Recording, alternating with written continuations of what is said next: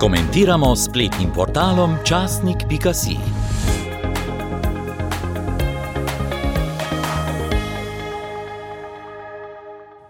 Politika kot kult je naslov komentarja, ki ga je napisal Jože Mlakar. Nenavadno visoka zmaga Roberta Goloba oziroma njegove stranke je presenetila skoraj vse slovence. Od predvidenih 26 odstotkov glasov, napovedanih še nekaj dni pred volitvami, jih je dobil 35. Večina razočaranih voljivcev desnih strank je za svoj volivni poraz krivila medije z RTV Slovenija na čelu. Toda so res vsega krivi mediji, ki so tako zvesto poročali o kolesarskih protestih in napihovali domnevne napake vladne koalicije s predsednikom Janezom Janšo na čelu? Po porazu Demosa in ko so oblast prevzeli dediči komunizma, je Ivan Oman ob neki priložnosti vzdihnil: Ko bi le imeli svoj dnevnik. Od tedaj smo na desnici ustanovili toliko različnih medijev, da bi z njimi že zdavnaj morali obračunati z levičari. Nič od tega se ni zgodilo. Zdi se, da je levica trenutno močnejša kot kadarkoli po letu 1991.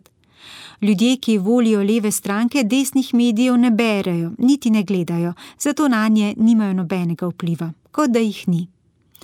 V neki instituciji z akademsko izobraženimi ljudmi je golob dobil 90 odstotkov glasov.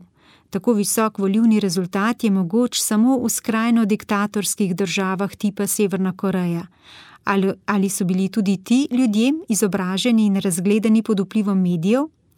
Prej bi rekli, da so bili pod vplivom alkohola in so se norčevali iz demokracije. Večina voljivcev ni prepoznala koristi Janševe vlade, s čim jih je torej tako zelo navdušil Robert Golob. Večina voljivcev v Sloveniji nista prepričali visoka rast BDP okoli 8 odstotkov in nizka brezposelnost okoli 4 odstotke, ki sta bili doseženi pod vlado Jane Zajanše. Niti više plače in nižji davki, niti jih ni strah napovedi levice o obdavčitvi premoženja in krepitvi državnega aparata proti zasebni pobudi v zdravstvu, šolstvu in celo gospodarstvu.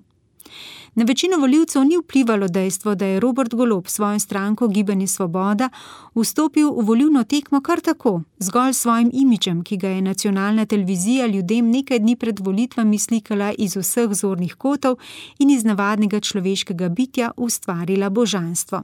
Vse tako so ga dojemali mnogi voljivci in se ga dobesedno oklenili okoli vratu. Ker je opaska o alkoholu samo šala, kaj je potem vplivalo na čudeni zid volitev? Zakaj smo Slovenci zavrgli očiten napredek Slovenije v zadnjih dveh letih, ki je vzbudil pozornost v Evropi?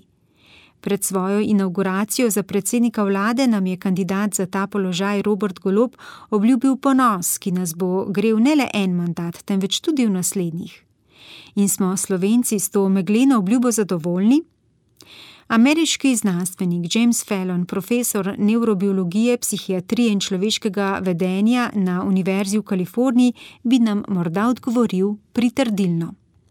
Po njegovem mnenju se dolgotrajni vpliv avtoritarnega vodenja države prenese v človekovo dedno substanco. Gre za kemično spremembo, ki ne spreminja molekule DNK, ampak na njo veže kemijske dodatke, kot je naprimer metil, in s tem zaznamuje človeka za vse življenje. Sprememba, ki ob tem nastane, se deduje. Felon je omenil primer američanov ameriškega izvora, ki se jim je zaradi suženstva dvignil tolerančni prak za prenašanje nasilja in zatiranja. Lahko ta primer prenesemo na naše razmere? Opomniti moramo, da smo Slovenci vsaj do 90-ih let živeli v razmerah trde komunistične diktature, se ji prilagajali in s tem višali prak občutljivosti na represivno ravnanje takrat samovoljne oblasti.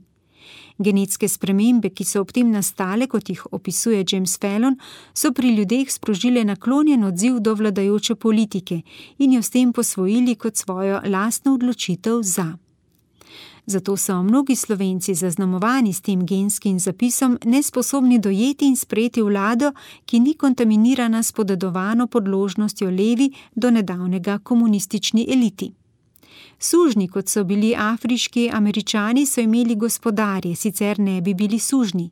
Ali so tudi slovenci, ki tekajo za vedno istimi novimi obrazi, sužni?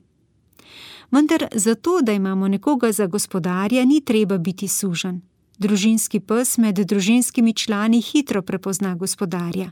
Nagonsko izbere tistega, ki ima v družini glavno besedo, ne tistega, ki mu nosi hrano in ga vodi na sprehode. Ali tudi slovenci nagonsko prepoznamo gospodarje, ki jim pripada oblast, ne onih, ki nam višajo plače in nižajo davke? Da postaneš v Sloveniji predsednik vlade ali države, moraš imeti pravi izvor. To pomeni, da imaš prednike, ki so svojo politično in nazorsko držo prenesli na potomce, ne da bi se ti tega zavedali. S tem so podedovali tudi njihov splošni vzorec vedenja, pri čemer močno izstopa hotenje po vladanju. Vendar je ta vedenski vzorec zelo podoben drži vernega človeka, ki tudi deduje svoj vzorec. V obeh primerih gre za zvestobo izročilo prednikov. To nam lepo ponazarja latinska beseda religio, ki po Ciceronu pomeni natančno in strogo spoštovanje tradicionalnega kulta.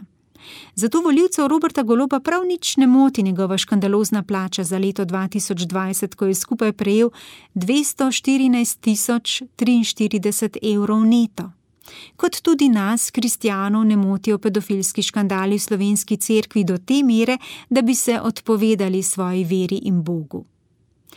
Če voljivce, ki volijo ta prave, vprašate, zakaj vedno znova zaupajo oblast enim in istim, že stokrat kompromitiranim, samo je cljajo in morda izrečijo dve posebej intonirani besedi: ta Janša, potem še nekaj zabentijo in to je vse.